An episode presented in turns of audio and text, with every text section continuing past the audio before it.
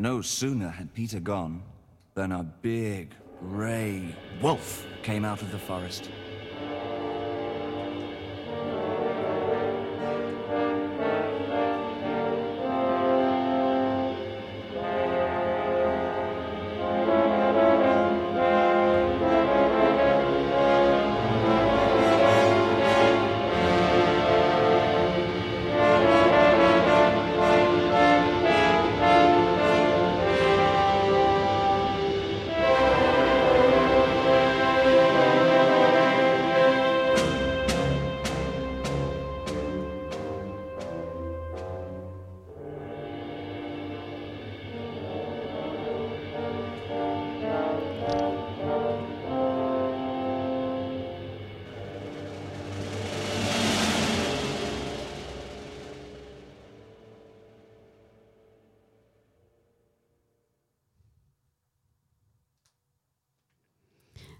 Welkom bij uh, de Systemische Werkkamer.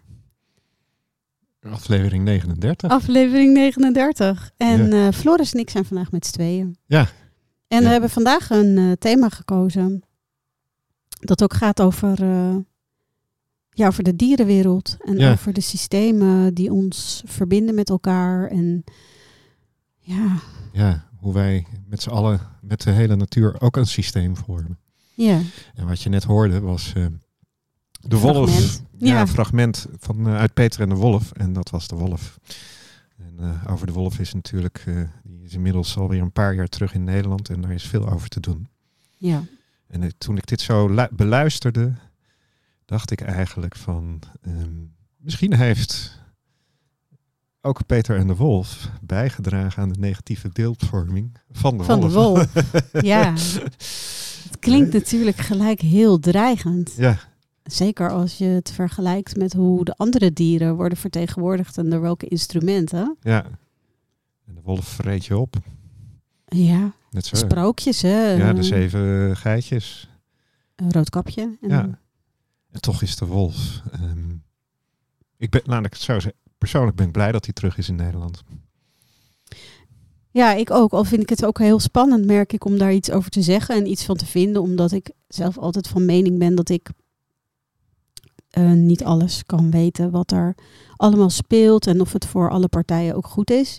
Mhm. Maar als ik voel voor mezelf diep van binnen, denkend ook aan de biodiversiteit die we in Nederland eh, echt wel behoorlijk kwijt zijn. eh, of in ieder geval, we zijn van ons pad af, laat ik het zo zeggen. Mhm. Denk ik dat het ehm, heel goed is dat er weer meer dieren komen. Ja. Al maak ik me tegelijkertijd wel ook zorgen. Want ehm, is er wel genoeg plek voor een wolf?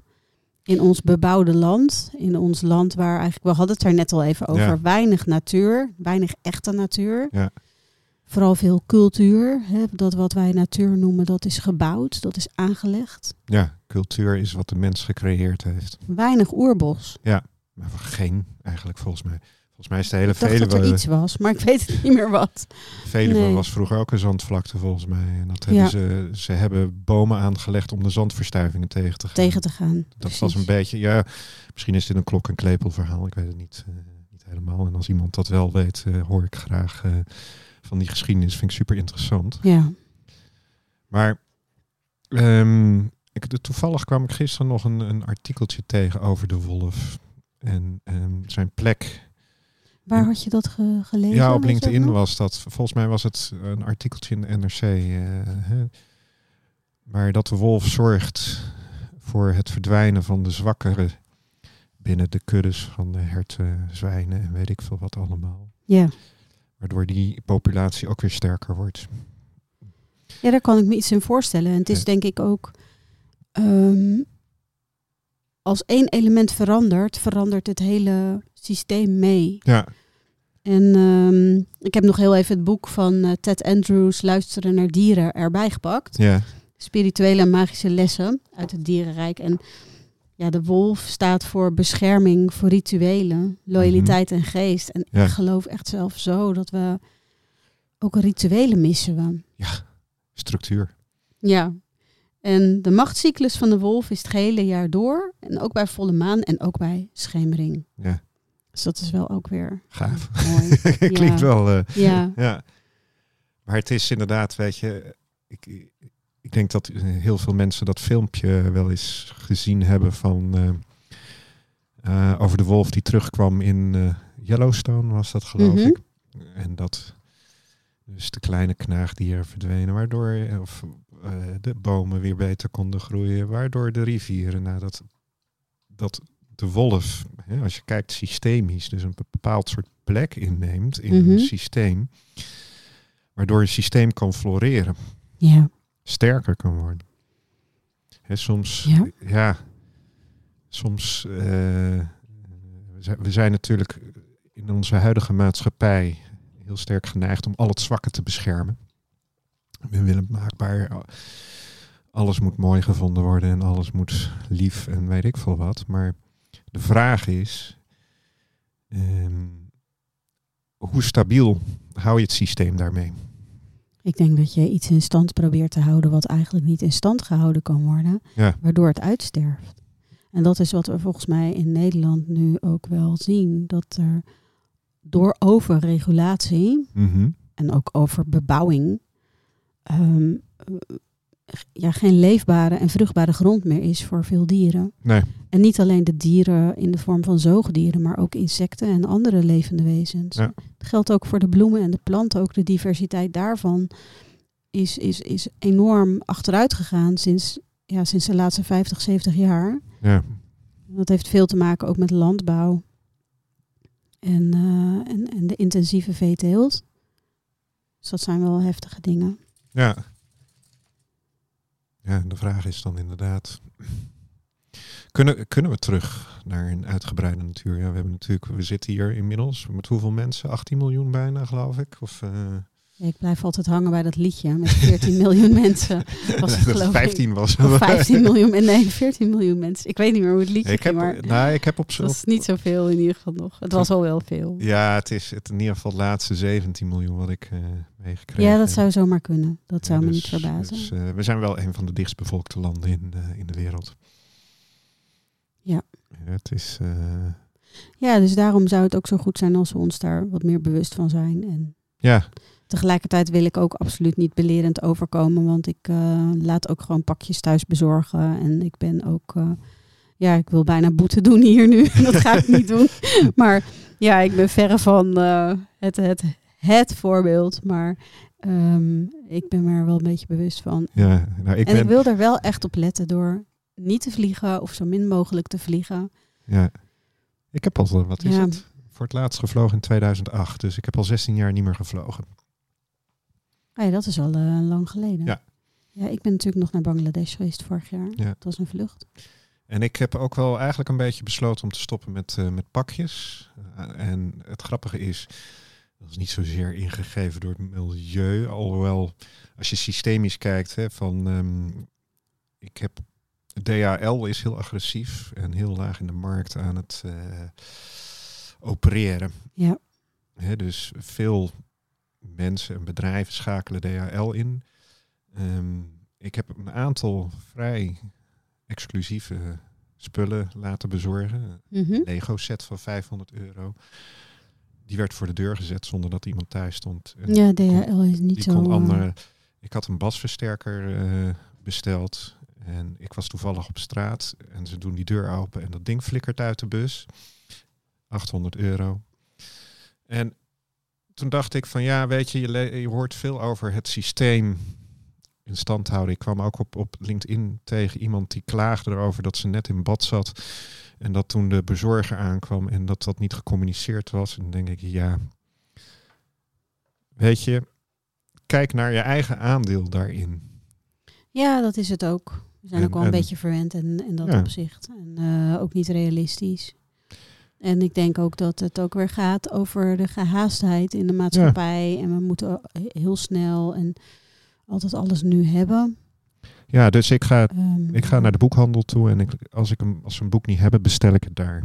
En ik ga naar mijn muziekhandel toe en als ze iets niet Ja. hebben, dan laat ik het via hen. Dus je gaat weer voor, bewust Ja, naar de wat ga- kleinere, ja, Dat, eh, kleinere, niet online, maar juist echt de fysieke winkels. En, de, en als het dan een week duurt, dan is dat prima. Ja, Nee, dat is fijn. Ja, ik, ik ben natuurlijk heel erg veel met Frodo, onze hond, bezig. Mhm. En eh, daar hebben we het veel in de trainingen over impulscontrole. Ja. Dan denk ik, ja, ik denk dat veel mensen daar eigenlijk eh, ook wel mee eh, geholpen zouden zijn. nou goed, mijn man zou nu heel hard lachen als hij me dit hoort zeggen. Ja, maar het grappige is, hè, als je dan kijkt naar de natuur. In Japan wordt dan, eh, of misschien hier, tegenwoordig hier ook weer, van een natuurbad voor geschreven om tot rust te Mhm. komen. Je wordt daar, als je de natuur ingaat, word je in het tempo van de natuur meegenomen. Ja, En dat is, en ik denk dat dat, eh, dat is vertragen. vertragen. In, in, in, we zitten in een, in een, nou ja, weet je, die hamstermolen. ik zag laatst op, eh, op hoe heet het, eh, Insta een, een filmpje voorbij komen van twee hamstertjes die in een soort schaal aan het rennen waren. En dan zo nu en dan werd er één gelanceerd omdat hij de snelheid niet meer bij kon, eh, Oh. kon houden. En ik vond het eh, eigenlijk is wel een mooie metafoor voor de huidige maatschappij. Dat we, we zijn allemaal heel hard aan het rennen en, en eh, Ja, en dan het? komt een moment dat je het niet meer volhoudt. En dan Ja. word je gelanceerd of je ja, dan word je gewoon ergens doorheen. Of je, uitgesmeten. Dus eh, dan Ja. heb ja, je, je hoort er dan niet meer bij of zo. ja, pijnlijke val. Ja. Is dat dan ook natuurlijke selectie, Floris? Ik, nou, misschien kun je het zo wel zien. Hè, van, Op een bepaalde manier ook wel. we hebben een systeem gebouwd waar je bepaalde kenmerken in hebt. Als je, het Ja. als je sterk door hoe heet het, redeneert, denk ik dat een soort evolutie plaatsvindt. Waardoor we een mens creëren die extravert is, alleen maar kan verkopen en eh, vooral op de prikkels af moet gaan.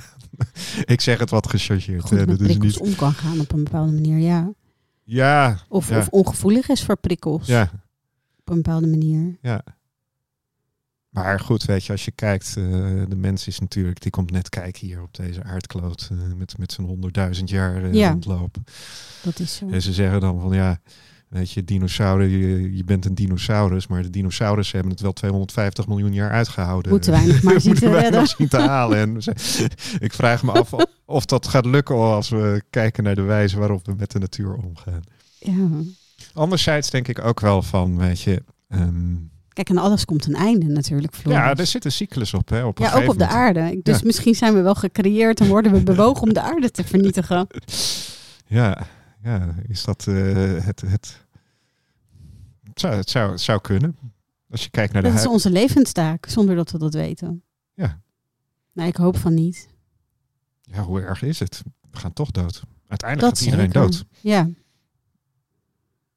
Ik denk inderdaad, weet je, ehm, ja.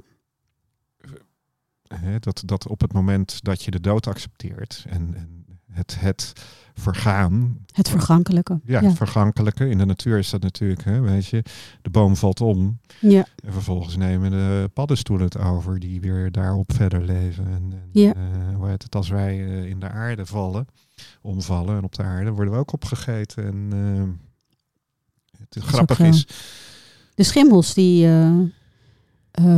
rule the world, zou Ja. zeggen. nou ik, ik dat viel is heel belangrijk ik viel- voor de aarde. laatst, ik, ben, ik, ik weet niet de naam in het programma, maar daar hadden ze gekeken van ehm, het vergaan van, van het menselijk lichaam werd er onderzocht. Dus dat werd dan gewoon op de aarde neergelegd, werd begraven. Werd het, Ja, er zijn een aantal En van die op- plekken. ja, en op het moment dat je het boven op de aarde legt, was het binnen een paar dagen weg. Ja, het wordt En op- helemaal netjes opgegeten. Er zijn ook filmpjes hè, van hoe je kunt zien wat voor diertjes dat doen en wat voor Ja. insecten. En, Maar op het moment dat je dus begraaft, zoals wij moeten op basis van de wet op de lijkbezorging, op anderhalve meter of op twee meter, duurt het bijna een jaar of duurt het echt heel erg lang voordat een, een, een eh, menselijk lichaam is vergaan. dat is zo. Dus de vraag Wat is. gebeurt hier? Wij doen dat natuurlijk ook op een hele ingewikkelde manier met Ja. kisten. En, eh, Ja, ja. dus. eh, maar goed, ik denk dat we wel eens vergeten dat wij ook deel uitmaken van, eh, van het systeem dat natuur heet. Hè. Je hebt natuurlijk allemaal. eh, Ja, alles is een systeem. wij zijn er gewoon onderdeel van. We Ja. denken, we denken wel dat we dat niet zijn, maar dat zijn we natuurlijk wel. Ja.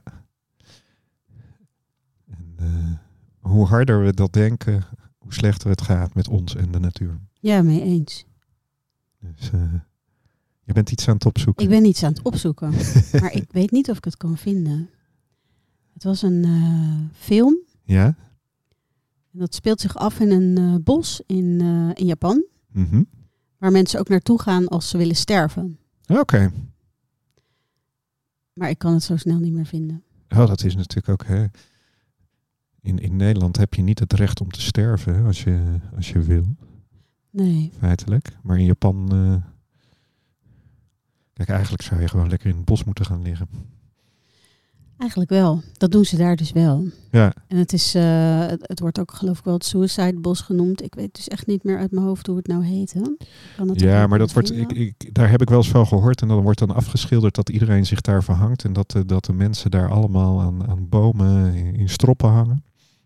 Ja, dat schijnt niet helemaal, Maar goed, helemaal zo te gaan. Maar dat zal wel eh, zoiets. Ja, ik, voor de beeldvorming hier in Nederland eh, eh, ik kan het ook niet meer vinden. Ik heb hem op, op Cinemember gezien. Ja. Ik Dus eh, Maar dat is wel een natuurlijke manier. Hè? oh, Nog afgezien van het feit dat je dan eh, wellicht vanuit een suïcidale gedachte dat bos bezoekt en jezelf, eh, ehm, je- je- jezelf doet sterven. Ehm, ik ben zelf wat meer van een ja, natuurlijke manier. Hè? Mhm. En ehm, wat dan voor mij de natuurlijke manier is, maar je had toch ook, zo, zo natuurlijk mogelijk zonder ook maar enige tussenvorm. ja, je had maar- toch ook de Native Americans die dan op een gegeven moment op een leeftijd waren en zeiden, ja, het is nu tijd om te gaan. Ja, En die trokken in- zich terug. trokken zich terug in de bossen waar ze dan, Dat is hoe Of- dieren het doen. Want ja, ja, het, het is natuurlijk heel bijzonder dat als je door een bos loopt, dat je niet zomaar overal dieren ziet liggen. Want die verstoppen zich, die trekken zich terug. Ja. Zodat ze niet overal maar liggen. Maar er zit natuurlijk ook een functie aan. Op het moment dat jij doodgaat en midden in de stam daar eh, gaat liggen vergaan, dan trek je ook de ziektes aan. Ja. die, eh, Precies. dat is. eh, Wat gebeurt hier? ja, Frodo die gaat in één keer blaffen. ja. Een intermezzo. De het natuur. ineens stil. Intermezzo van, Ja, de, van de natuur. dat, Ja, hoe, hoe natuurlijk zijn onze honden? Ik vertelde jou al even dat ik, eh, nadat ik jarenlang, eh, nou ja, al werk met mensen, dat ik eh, nu een opleiding tot hondengedragsdeskundige aan het doen ben. mhm. En niet zozeer alleen vanwege de honden, maar ook vanwege, ja, eigenlijk al heel lang het verlangen om wel meer met de natuur te doen. En wat heel bijzonder is, is dat door het systemisch werk van de afgelopen jaren ik zoveel meer met lijf ben gaan doen. Ehm, dat als je honden wilt begrijpen, dan, ehm, dan kan het niet als je niet een heel scherp observatievermogen hebt in combinatie met heel erg ehm, verbonden zijn met jezelf. Mhm. Want anders dan gebeurt er gewoon niet zo heel veel om je heen. En je ziet het niet en je voelt het ook niet. Dus dat is wel leuk. Het is ook een soort bijna logische, logische ontwikkeling of zo. Ja. Maar hoe natuurlijk zijn honden? Maar hoe natuurlijk zijn honden? Want ja, Ja. als je kijkt naar hoe ze ge- gedomesticeerd zijn, hè, hoe, hoe we dat dan noemen. Ik denk wel Dat eens. is al heel lang. Als, als ik kijk naar de honden, dat. ehm, en, en dan noem ik even doorfokken van sommige rassen, waardoor die honden eigenlijk alleen maar hele gebrekkige beestjes worden, hè, amper kunnen eten, kunnen Ja, ruiken. Sommige rassen is dat Een soort eh, controlebehoeftigheid of een, de maakbaarheid van de samenleving representeren op sommige vlakken. Hetzelfde geldt voor katten. hè, Want, Ja, als je het zou doortrekken naar kinderen, ja, dat vinden we allemaal niet kunnen. Nee, maar nou, weet je, er wordt ook wel gekeken naar, eh, hoe heet het, eh, er zijn natuurlijk hele discussies geweest over van, ik weet nog wel eind jaren negentig of zo, dat je kon kiezen of je een jongetje of een meisje kon, dat dat, eh, ge- nou, dat mensen dat wilden, maar dat is ja. niet gedaan. nee, nee, het- Voor, voor zover ik weet. Volgens Ja. mij zijn ze er niet zo ver maar het kan wel, volgens mij. eh, eh, Ja, je kan natuurlijk wel zien of je een Ja. jongetje of een meisje krijgt. dus En, daar, eh, daar, daar zit natuurlijk ook, ja, als het om mensen gaat, zijn we daar wat, wat en dat geeft ook aan de afstand tot de natuur, want blijkbaar vinden we, mogen we wel voor God spelen. En ik maak even Ja. de, aanhalingstekens. wat betreft dus dierenrassen en plantenrassen. mhm. In die zin dat we het, hoe heet het, ehm, wellicht beter. eh, Planten doen we ook verrijken, noemen we dat dan. ja, En op een bepaalde manier is het ergens ook verarmen, want je zorgt ervoor dat het voor ons bruikbaar wordt. Maar is het dan ook bruikbaar voor alles en iedereen en Ja. de natuur? Nou ja, je gaat eh, eh, om te voorkomen dat er eh, ongedierte opkomt, sluit je natuurlijk al een hele groep uit. Ja, precies. Dus dan doe je dat ten behoeve van, eh, van de mens. En creëer je monocultuur. Want ik denk inderdaad op Ja. het moment dat je alleen maar eh, eten voor ons hebt en eh, wij zijn de enige ge- overlevers, zijn we ook ten dode opgeschreven. Want Ja, hebben- wij kunnen niet overleven zonder eh, andere organismes. nee. Dus als jij zorgt dat er geen schimmels meer, pla- meer in, in bepaalde gewassen terecht kunnen komen, denk ik dat je een heel groot deel van, van de natuur gaat uitsluiten. Ja, En en, ik- het, ik denk dat het ook ehm, door iets uit evenwicht te halen, eh, krijgen ook ziektes meer kans. Ja. Waardoor er ook wat meer. Ja, wat doet het met onze eigen is- weerstand? Hè? Van Ja. Als wij verrijkte gewassen of... Maar ja, dat eten we natuurlijk al heel lang. Ja, En we hebben heel lang eten we al ehm, eh, voeding uit kassen, wat, wat niet meer uit de volle grond groeit. Nee. En dan weet ik ook niet zeker of het nou zo gezond is om iets uit de volle grond te halen, omdat onze grond ook wel behoorlijk vervuild is, op heel veel plekken in ieder geval. ja, ja. Maar ja, ehm, Maar ik denk dat, weet je, het is natuurlijk hoe staan we ten opzichte van de natuur is, we denken het beter te weten, maar ehm, vaak vergeten we, hè, van, eh, misschien kunnen we 25% van de factoren overzien die van invloed zijn, ja, en die andere 75 niet. nee, En wellicht dat van de 25% hoe heet het, eh, die we kunnen overzien van de factoren eh, die eh, van invloed zijn, dat daar ook nog ehm, ja, een soort gelaagdheid in zit, dat daar ook onverhoopte effecten kunnen optreden vanuit die 25%, om dan nog die precies. andere 75% niet, maar niet te vergeten. Dus dat, dat idee, en ik denk dat dat bewustzijn wel meer en meer, in ieder geval bij een bepaalde groep, indaalt. En dat, dat, dat je, heet het, eh, dat we het eigenlijk helemaal niet zo goed weten. Hey, en hoe raakt het jou nou, Floris, persoonlijk? Wat, wa- waar, waar raakt het jou? Nou, ik als kind, eh, ik had geluk aan, aan de rand van de stad te wonen. Ehm, en eh, wij liepen de straat uit en dan kwamen we op een opgespoten, nog, nog te bouwen gebied, te bebouwen gebied. En dat was helemaal verwilderd met allemaal wilgen en berken. En, eh, en dat in de tijd dat, ehm, dan hebben we het over 50 jaar geleden, ehm, eh, in de buurt van Gouda, dan, dat is allemaal veengrond, werd zo'n zo'n bouw, eh, het stuk te bebouwen grond ook met rust gelaten voor 10, 15 jaar. Ja, Om het goed te laten zakken en te laten inklinken. Om te voorkomen dat dat dan. dus daar werd nog wel op de lange termijn gedacht. Eh, dus dat was echt een stukje natuur. En daar, eh, daar eh, zaten vogels en van alles. En daar was ik dagelijks te vinden. en wa- wat, wat haalde je daar? Als je daar was? Of hoe voelde je je? Ik voelde me daar op gemak, rust. En, en, en hoe heet het?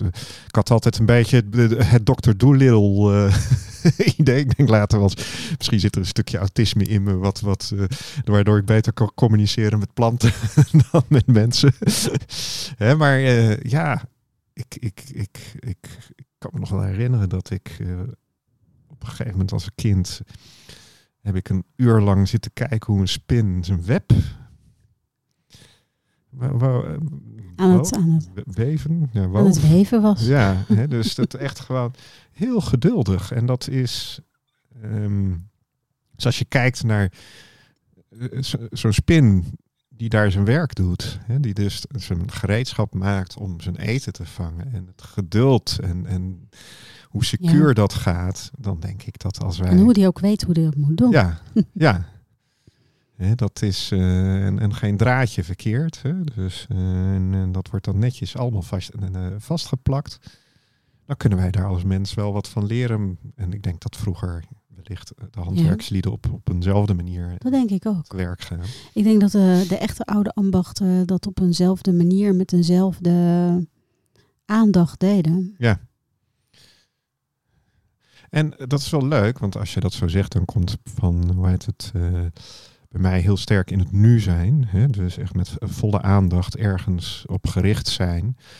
Als je in de natuur bent, je, je komt vanzelf in het nu.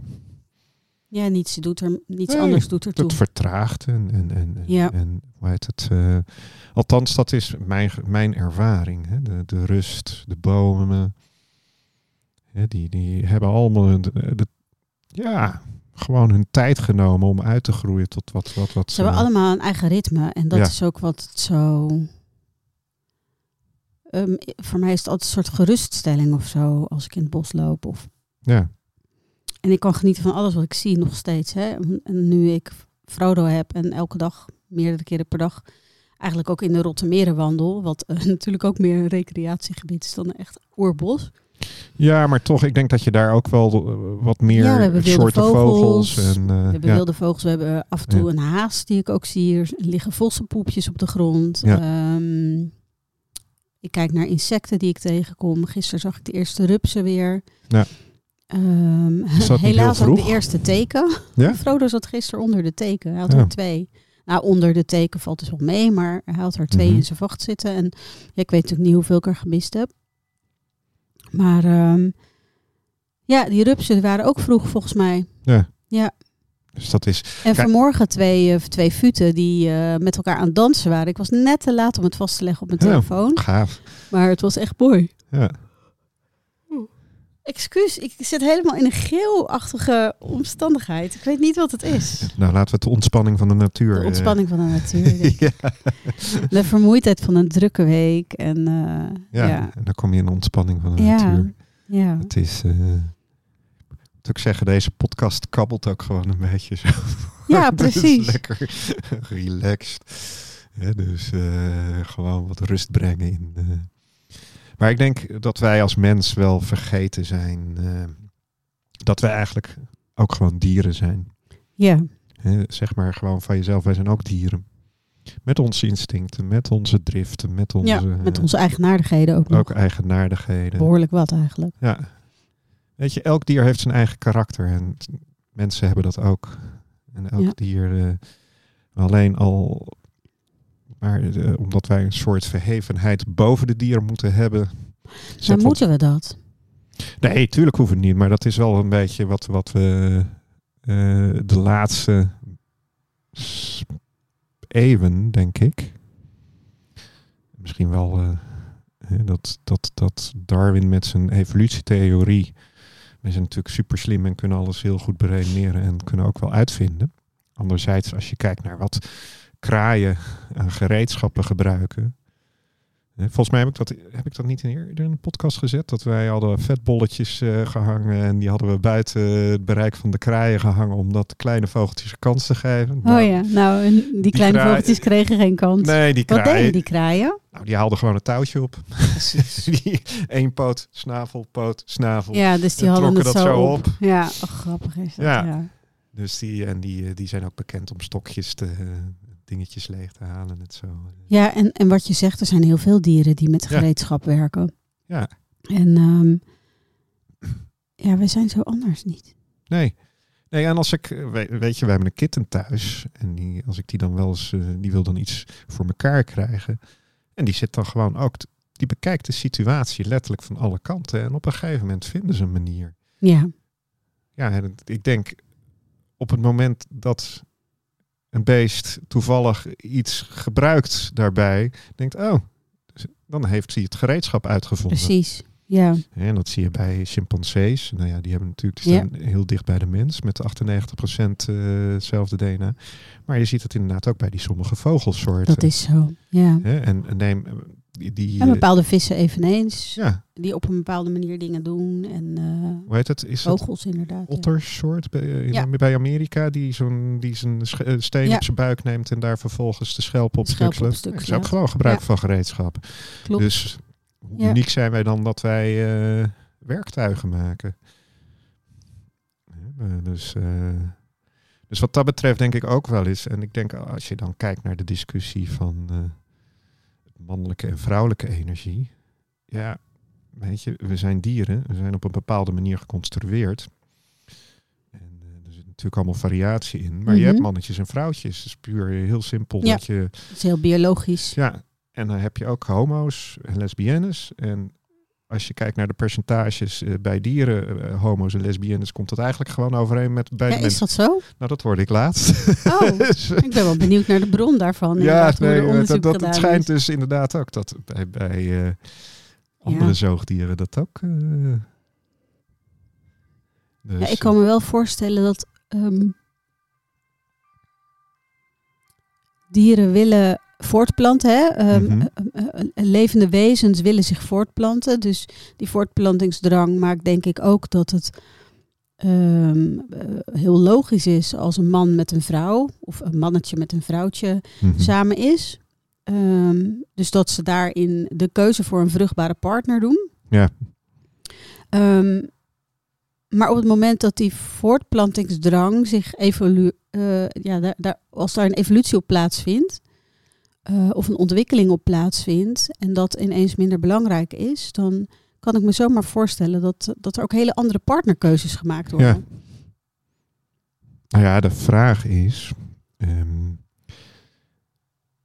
in hoeverre, denk ik ook wel een beetje, hè, als je kijkt, eh, we beredeneren heel veel.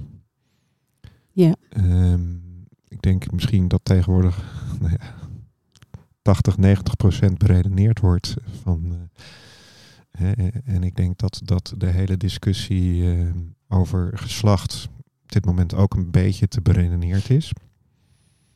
Even los van de gevoelens die, die daar. eh, ieder, ieder mag dat, mag dat voelen. Ik denk dat dat ook goed is. Ehm, ben even mijn verhaal kwijt nu. maar eh, nee, oh ja, het gevoel. Maar als je kijkt naar je. Als we echt in een, ons lichaam gaan zitten en rusten Ja, dat we wellicht hele andere keuzes maken. Als we dus los kunnen zijn van ko- kunnen komen van wellicht bepaalde sociale conventies, ja of verlangens. verlangens. En de vraag is natuurlijk in hoeverre zijn die verlangens systemisch ingegeven of beredeneerd. Ik denk voor een heel groot deel sowieso wel ook. Mhm. Omdat we dat vanuit ons gezin van herkomst geleerd hebben, vanuit de familie, vanuit een bepaalde traditie die we kennen. Ehm, vanuit de cultuur waarin we geboren zijn. Ja, Ik denk dat daarvan loskomen, dat dat niet betekent dat je je afkeert daarvan, maar dat je je ontwikkelt op een bepaalde manier, waardoor je bepaalde dingen niet meer zo nodig hebt. Dus, dus het is het bewustzijn ervan erop krijgen Mhm. dat je vastzit aan een bepaalde ehm, gedachte, aan een bepaalde overtuiging, aan een bepaalde manier van denken en doen. Mhm. En dat als je daar durft, andere beslissingen durft te nemen en ook dat durft te exploreren, dat, dat je ook voor je nageslacht weer een hele, ehm, een hele nieuwe keuze toevoegt of zo. Klinkt een beetje als evolutie. Dan een hele moeilijke manier van uitleggen. ja, nee, maar eh, je, ja, gaat, nee, maar, je gaat. Nou ja, maar doen, doet iedereen dat? Doet iedere generatie dat? Ik kom veel mensen tegen nu die zeggen... ja, mijn ouders die dachten hier nooit over na.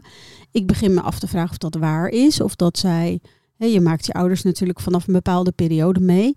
eh, en vaak ook vanaf een bepaalde leeftijd. En zeker ook ben je zelf ehm, als kind van je ouders eh, in staat om de, de volheid van, van het wezen van je ouders te zien? Of, of zijn we maar in staat om een klein stukje van, je, van onze ouders te zien? Ik, die Ik leven, vind het zo. ja, levensvragen zijn van elke generatie. dat denk ik ook. Neem, neem Plato, die is 2000 jaar terug, die had ze ook al.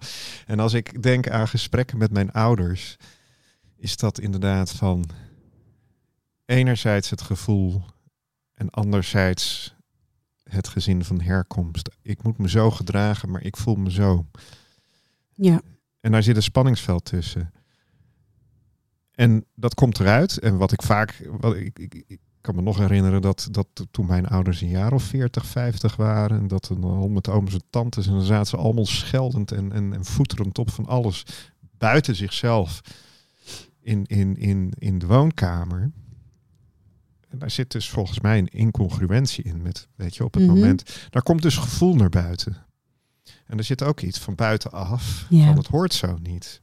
Dus daar komt een soort spanning ontstaan die eruit moet. En op een gegeven moment, weet je, je lijf verandert ook. En tot je 40ste, 42ste heb je de kracht. Ga je op kracht door. En dan kun je dus door die, die, die weerstand heen gaan. Mhm. En daarna voel je die weerstand en moet je iets met die weerstand. En ik heb het idee dat dat, dat wel eh doorcijpelt naar de jongeren die inderdaad van nu. En kijk, als, als ik kijk, ik heb nu de leeftijd van mijn ouders die toen zaten te kafferen. En ik ga er op een andere manier mee om. En ik geef een ander voorbeeld aan mijn kinderen. Dat ik daardoor hopelijk mijn kinderen in een eerdere st- stadium kiezen voor het volgen van Mhm. wat, wat zij. eh, Ze mogen niet meer kafferen. Oh ja hoor, Nee. dat doen ze de hele tijd. Wellicht doen ze dat nu jonger. nou ja, Nou, ik merk ja. wel dat er heel kritisch gekeken wordt naar school. Ja. Wat leer ik hier? Ja. School is saai. Ik leer niks op school. Ik, zit daar in de, ik moet de hele dag in de schoolbanken zitten. Ja, en dat is misschien Ja. dat ze overprikkeld zijn door alle social media of zo. Dat je die bewegingsdrang krijgt. Maar als ik nu ook kijk. Weet je, het meeste hebben ze al tot zich genomen via, Mhm. eh, via of YouTube zo, of ja. via eh, internet of via de- wat ik ze gevoed heb. Wat ik wel leuk vind is dat je nog even de link maakt met school. Ehm, wij zijn op een gegeven moment ook naar andere scholen gaan kijken Mhm. voor onze kinderen. En ehm, we hadden dan een school die heel veel met de natuur deed. Dus dan maken we weer even de link met de natuur. Ja. Maar op de een of andere manier, in die periode, dus dan heb ik het over eh 15 jaar geleden, zeg maar zo 10, 15 jaar geleden, ehm, werd er over scholen die meer met de natuur deden en veel meer met het vrije kind, zeg maar, dat werd dan gezien als iets wat niet goed genoeg was of zo. Ja. Dat ik dacht, maar ja, wie heeft het nou eigenlijk niet begrepen? Het is wel lachen inderdaad dat je dat zegt. Want ik zag, ik denk een half jaar geleden, een documentaire over Iederwijs. ja, Van 25 of wat is het, 20 jaar geleden. Nou ja, als je die kindertjes hoort, denk ik dat daar een stukje, wel ook een stukje HB in zit. Mhm. Kindertjes. Ja. Maar HB daar, hoogbegaafdheid. ja. Ja. hoogbegaafdheid. Toen lieten ze zien, er werd, eh, die kindertjes waren uitgenodigd in een talkshow Mhm. met de Henk Spaan. Nou, hoe die kinderen afgefakkeld werden over de wijsheden die zij uiten, over het onderwijs wat zij volgden. Het was, het was totaal losgeslagen. En Dus hoe, eigenlijk een soort oorlog dan in feite. ja, en hoe, hoe Ja. dat, Twee een kind, systemen. dat, ja, dat een kind dit kan weten. Nou, weet een kind, je bent toch nog maar een kind, weet Mm. je. Mm. Eh, hopelijk dat we meer en meer inzicht krijgen van ja, als je het over onderwijs gaat, ja, er zijn dingen die we moeten leren in de maatschappij. Het is erg handig als je de taal beheerst. En denk ik nou juist daarop schieten we in Nederland het enigszins tekort. En het is ook handig Ja, als je rekenen. Het gaat over de ontwikkeling van vocabulaire. En, Ja. ja. ja. Ik weet nog wel bij, eh, bij mijn jongste, die ging eigenlijk, eigenlijk alleen maar achteruit in zijn taalontwikkeling toen hij naar school ging. Dus, eh, Dat was bij onze kinderen ook allebei. Ja. Die gingen zich aanpassen aan de rest. En ehm, hoe heet het? Ja, hè, wat, wat, wat die Tim Jongers eh, van het Wiarda Beckman Stichting, dat is het eh, wetenschappelijk bureau van de PvdA ook zegt van joh, ja, je kunt wel over de armen praten, maar praat eens met ze. Ja. En wij kunnen wel heel hard roepen dat ze elke dag broccoli moeten eten omdat het zo gezond is, maar ze kunnen het gewoon niet betalen. Nee. En, en, en hè, dus dat, dat eh, ja, dus wat zou teruggaan naar de natuur dan betekenen? Is het weggelegd voor iedereen? Ja, ik, ik heb daar, daar heb ik een hard hoofd in. Ik denk denk- dat het ook lastig is. Ik ik heb wel eens een hele negatieve gedachte daarover dat ehm, op een gegeven moment gaat gewoon een groot deel van de mensheid uitsterven en neemt de natuur het weer over. Dat Ja. denk ik wel eens. Het is misschien ook wel een wensgedachte, stiekem. Van, van, ik denk dat het, dat het ten behoeve van dat plukje mensen wat overblijft alleen maar beter is. Maar we zijn wel zo ver van de natuur weg hier in het Westen. Weet je, de Ark van Noach verhaal. Ja. Maar dan anders. Ja, Ja. Nou ja, weet je, dat zijn ze natuurlijk. eh, Het is wel een leuk, leuke serie daarover is op Netflix. eh, God, hoe heet het nou? Ancient Apocalypse of zoiets. Dus dat er in elke cultuur komt er een ehm zondvloed voor. Ah ja, toch een zondvloed. Elke cultuur. Hoe heet 12.000. het? En dat, Ancient Apocalypse? ja, volgens mij heet dat zo. En die is dus bij de, de Maya's Zuid-Amerika geweest, in, in het Arabische gebied. eh, de- Oh, cool. En ehm, daar is allemaal verhaal van zondvloed. Mhm. En ook daar gaat het verhaal. En is natuurlijk de vraag van ja, zijn we nu iets aan het verzinnen of niet? Van ehm, hoe heet het? Dat er een hele geavanceerde gemeenschap is geweest die te gronde is gegaan. Mhm. Nou ja, het zou best kunnen hè, dat we Wordt wel gezegd. Ja. eh, als je over 100.000 jaar hebt en je hebt, gaat kijken naar 12.000 jaar eh, eh, terug. En dat ook, heet het, veel archeologen vastzitten in, in het oordeel dat onze beschaving eigenlijk pas 2000 jaar geleden begonnen is. Mhm. Ja, wat hebben die mensen die de 80 of wat is het, de 90.000 jaar daarvoor gedaan? Is ook zo. Er is inmiddels ook al een grot ontdekt van waar aangetoond is van 35.000 jaar geleden dat er mensen woonden met Mhm. die begrafenisrituelen deden. Ja, wellicht gaan beschavingen ook. Ja, eh, dat denk ik ook. In, in cycli. Dat denk ik ook. Dus ehm, Ja.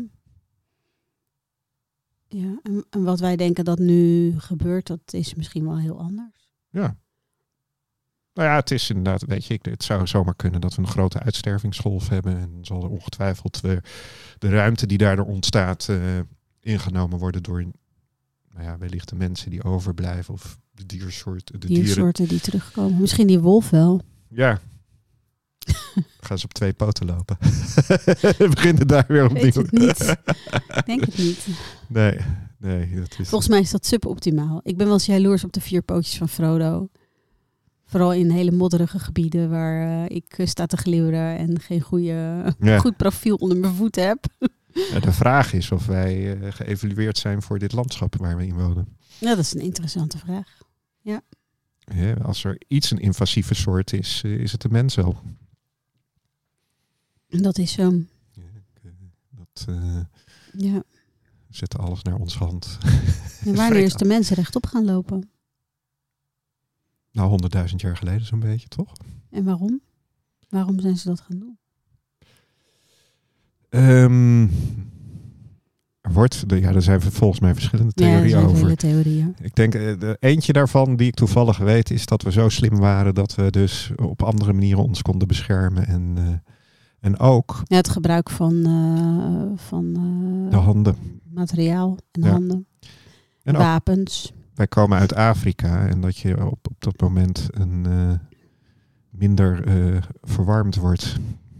Je hebt natuurlijk een kleiner oppervlakte als de zon recht van boven komt. Als je rechtop loopt, dan eh, Ja, ben ik je ook iets wel eens- minder kwetsbaar. heb ik ook wel eens gehoord. Ja. Dus, eh, maar ja, blijft natuurlijk gissen. Ja. Maar ik denk inderdaad een stukje bewustwording van de natuur. En ook ehm, respect voor de natuur. Ik vind het zo mooi hè, wat je van de Native Americans. Ja, van wie is het land? Mhm, Het land van is van ons. En de ja, lucht van ons alles. Ja. Ja. Nee, dat, dat is waar. En, ehm, en wat ik ook uitermate pijnlijk vind, zoals ik aan het wandelen ben, dat er echt overal troep ligt. Ja. Overal ligt plastic, overal ligt afval, overal ligt rommel. Ehm, ja, ik, dat vind ik bizar. Je kan gewoon echt nergens meer lopen waar niet de sporen van mensen zijn. Ja, Ja, in dat bos ook. En de sporen ja. vind ik dan nog niet erg, maar het is echt Ja, ik bedoel met sporen. het- Het, eh, wat ze achterlaten. ja. Ik vind het echt. eh, Ja. Ja. Het is eh, ja, heel droef. En dan, dan hoe heet het? Alles moet recyclebaar zijn en afbreekbaar. Dan denk ik, flikker toch op. Stop met dat plastic. ja. Maar goed. er Ik heb begrepen dat de plastic tax er weer afgaat. zit- ja, er zal wel gelobbyd zijn. ja, Zijn we nou heel negatief bezig? Ja, misschien wel een beetje. maar goed. Ja, Ja. En, en tegelijkertijd, ik gebruik ook plastic hoor. Dus ehm, ik, wil het wel, ik wil het wel beperken tot, tot, tot nul. Nou, je, maar hebt ik van zou die, niet weten hoe. je hebt van die groepen die eh, ineens eh, die komen dan overvallen dan de supermarkt. En die gaan alle plastic eh, spullen uitpakken. en gooien dat plastic dan. en die willen dan wat ze meenemen, willen ze afrekenen. Het is wel heel ingewikkeld als de streepjescode op het plastic staat. Ja, Dat is, ja, nee. Het is, Nou ja, er zijn wel. Ik weet dat ehm, een goede vriendin van mij die woont in België en die is lid van een bepaald, ehm, ja, een bepaald collectief waarbij ze eh, verpakkingsvrij willen leven. Ja. Ik vind dat soort dingen wel heel mooi. Het is, En ik denk dat het heel goed is, want ja, wij scheiden ons afval braaf. Dat is ook de bedoeling bij ons in de gemeente. En Ja. ik zie ook gewoon dat eh, de hoeveelheid plastic is gewoon veel. ja, bijzonder dat wij waren in Italië op vakantie en in, eh, vorige week in Frankrijk weer. Dat ik groente pak en het verplicht wordt in plastic zakjes te doen. Ja, ja, Ik vind het zo gek. het is ook raar. Ja, Wat dat betreft zijn we hier dan nu inmiddels zover dat je dan een soort netje kan kopen Ja. van, van stof. nou, van kunststof. Kunststof, plastic dan toch weer. Maar goed, het is een Het netje kan- wat je kan- meerdere ja, keer je kan het in ieder geval vaker gebruiken. ik heb echt, wij hebben echt stof overigens hoor, serieus. Ja, ah, ik zal Ja, eens er kijken is waar ook ons. kunststof. Er Ja. is, dat, ik weet welke dat zijn. Maar in ieder geval, ja, dat, dat is dan toch beter. En als ik hier bij de biowinkel ben, dan hoef je het helemaal nergens in te doen. Nee, nee, dat hebben we bij ons eh, bij de Ja. biowinkel ook. eh. Maar goed, ik vind dat met hondenpoep bijvoorbeeld opruimen, vind ik dat echt wel een dilemma. Ik bedoel, wat is nou beter? Laat je de hondenpoep in het bos liggen? En dan echt niet op het pad natuurlijk en niet vlak naast het pad. Maar mhm.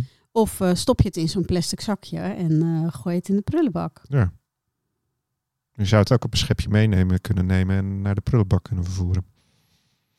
Ja, maar waarom zou het niet in de volle grond mogen blijven? Ja. Je zou inderdaad ook, ja, zodra die op de, poep, eh, op de, op de stoep eh, poept, eh, moeten opgeraapt worden. Of moet je maar het dat op vind ik een... ander verhaal. Ik vind op de Ja. stoep of op een pad vind ik dat je het weg moet halen. Ja. Ook door de hoeveelheid honden die er, die er zijn, is het gewoon ook te veel. Ja, het, het, het, gaat, ja, het gaat stinken misschien, ik weet niet. Maar Maar waarom in plastic? Waarom niet in iets afbreekbaars? ja, Ik had wel afbreekbare zakjes, maar die mogen dan officieel weer niet bij het GFT. Want honden- en kattenpoep mag niet bij het GFT. Wat daar de reden van is, weet ik eerlijk gezegd niet. ja, ik weet niet, misschien zitten er weer wat eh, Zo iets van een bepaalde wezensvreemde stof in. voet, eh, voedselsresten in. Daar zal het mee te maken hebben. Dat was inderdaad, de laatste inderdaad hoorde ik dat ook. Dat vroeger werden hondendrollen helemaal wit, hè? Ja, Dat zie je ook niet meer. Dus er is iets in het waardoor voedsel. was dat dan? Ja, er zat iets in het voedsel, begreep ik. Wat was dat dan? Als slijm. Dat is weet wel interessant eigenlijk. Ja. Wat zat er dan in het voedsel? Was dat dan juist iets heel natuurlijks of juist niet? Nee. En dan inderdaad, wij hebben een kat. En wat, wat is kattengrit? Hoe belastend is dat voor het milieu? Ja, Ja, wat zit daar we hebben altijd eh, natuurlijk spul gehad van die geperste houtkorrels. Ja, En eh, nu hebben we een soort kleikorrels, volgens mij. kleikorrels. Keramiek. Sorry, maar associatie die... eh, Je kan er iets moois van maken als het maar genoeg gepoept heeft. En dan Ja. zet je het in de oven en dan... eh, ik weet het niet. ja, komt... eh, komt leven met de natuur. ja. Hey, als we even teruggaan naar Peter en de Wolf. ja. Wat voor... Ja, ik, ik kom uit de stad en ik ben fan van de wolf. Anderzijds begrijp ik de boeren ook wel. Hè? In de zin dat ja, die beesten, die, die lammetjes... ja, en ze eten ze ook niet op, hè? Want dat is natuurlijk ook... Er is zo'n overvloed aan, aan, aan lammetjes voor die beesten. ja. Ik, ben wel benieuwd hoe, dat- hoe die verhalen nu echt in elkaar zitten. Want ik heb ook begrepen dat het vooral wilde honden zijn die dat doen en geen wolven. Dat het eigenlijk heel eh, vreemd gedrag is voor wolven, wilde Ja. wolven. Om, om dieren te bijten en niet op te eten. Dat is echt iets van gedomesticeerde honden of verwilderde gedomesticeerde honden die dat doen. Heb je die in Nederland zoveel? Ja, dat, dat vraag ik me af, dat weet ik niet. Het is natuurlijk valt minder op dan een wolf. Die, eh, maar goed, ze, eh, Het is een heel interessant iets natuurlijk er, wordt, er wordt wel DNA-onderzoek gedaan hè, op die eh, doodgebeten eh, beesten. En Ja. laatst hadden ze dan ontdekt dat er waren ook weer een aantal eh, schapen of lammetjes doodgebeten. En ehm, die, eh, dat was een of ander heel exotisch beest. Het was, Een soort eh, jakhals of zo, of niet? Oh, de goudjakhals. Ja, goudjakhals. Want die komt natuurlijk ook hier naar Nederland weer. Ja, ja. ja. Dus dat was inderdaad ook. eh, Ja. Ja, is er plek voor iedereen hier in Nederland? Of moeten we het in Duitsland in het Zwarte Woud houden of zo? Of daar? eh, Ja, en de vraag is, moeten we het weer laten gebeuren dat wij het gaan regelen of zo? Hè? Ja. Dus in hoeverre hebben wij hier nog iets over te zeggen? Ja. Waar, waar, ik zit me gelijk ook te bedenken van waarvoor houden wij nog schapen? Voor de wol? Wol, Of voor het vlees? eh, wol, kaas, dus ook schapenkaas. Eh, schapenvlees ook. Ja, Ja. ik denk inderdaad ook aan hoeveel. Ja, als je kijkt dat 75% van de landbouw voor de export is. Ja. Zoiets was het volgens mij. Was echt. ja, het eh, is een exorbitant hoog percentage. Nederland ik is zit- wat dat betreft echt een exportland. Ik zit in Kampenwolf. dus ik kan er niks aan doen. Dus, eh, Zullen we nog eindigen met een fragment uit Peter en de Wolf? eh, ja. Zullen we het vogeltje doen om even lekker vrolijk te eindigen? Even kijken, die zat een beetje in het begin, hè? ja. Het vogeltje. Een in inderdaad. begin.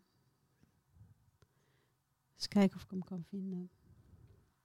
Nou, als jullie eh, hebben geluisterd eh, tot hier, eh, nou heel fijn. En we horen heel graag wat ja, jullie misschien een beetje van de podcast hebben gevonden. warrig, ongestructureerd En, verhaal. Maar ja, wel een beetje, denk ik, ja. Het is vrijdagmiddag, bijna vier uur. Dus, Dat is het. En, misschien Nou, de- deze versie die we overigens hebben gekozen, dat is de versie van Peter en de Wolf. ja. Ehm, en dan ook nog ehm, met eh, David Bowie. Vond Ja. ik eigenlijk wel, eh, wel mooi. En ik, eh, ga er, ik ga hem nu aanzetten en ik start gewoon met de introductie waar een aantal dieren ja, worden. worden geïntroduceerd. This is the story of Peter and the Wolf. Each character in this tale is going to be represented by a different instrument of the orchestra. For instance, the bird will be played by the flute, like this.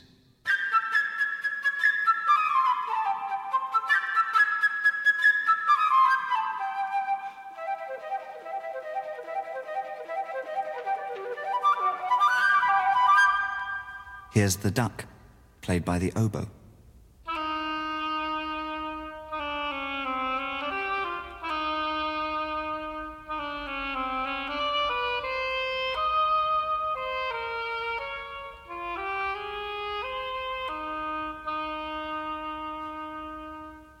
The cat, by the clarinet.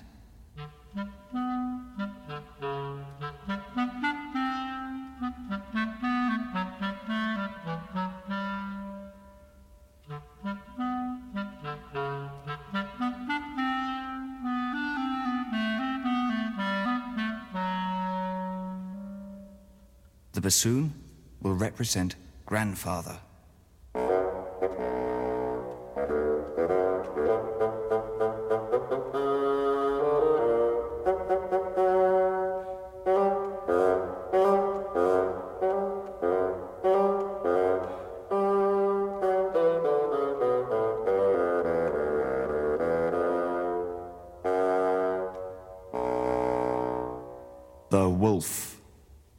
French horns.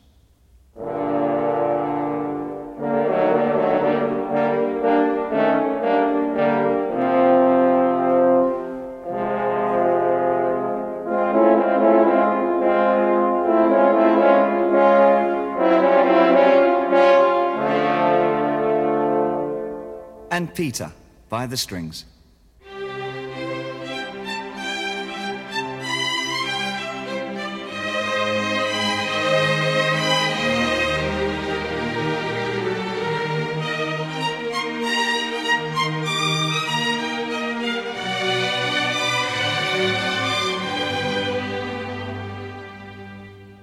Blast of the hunters' shotguns, played by the kettle drums.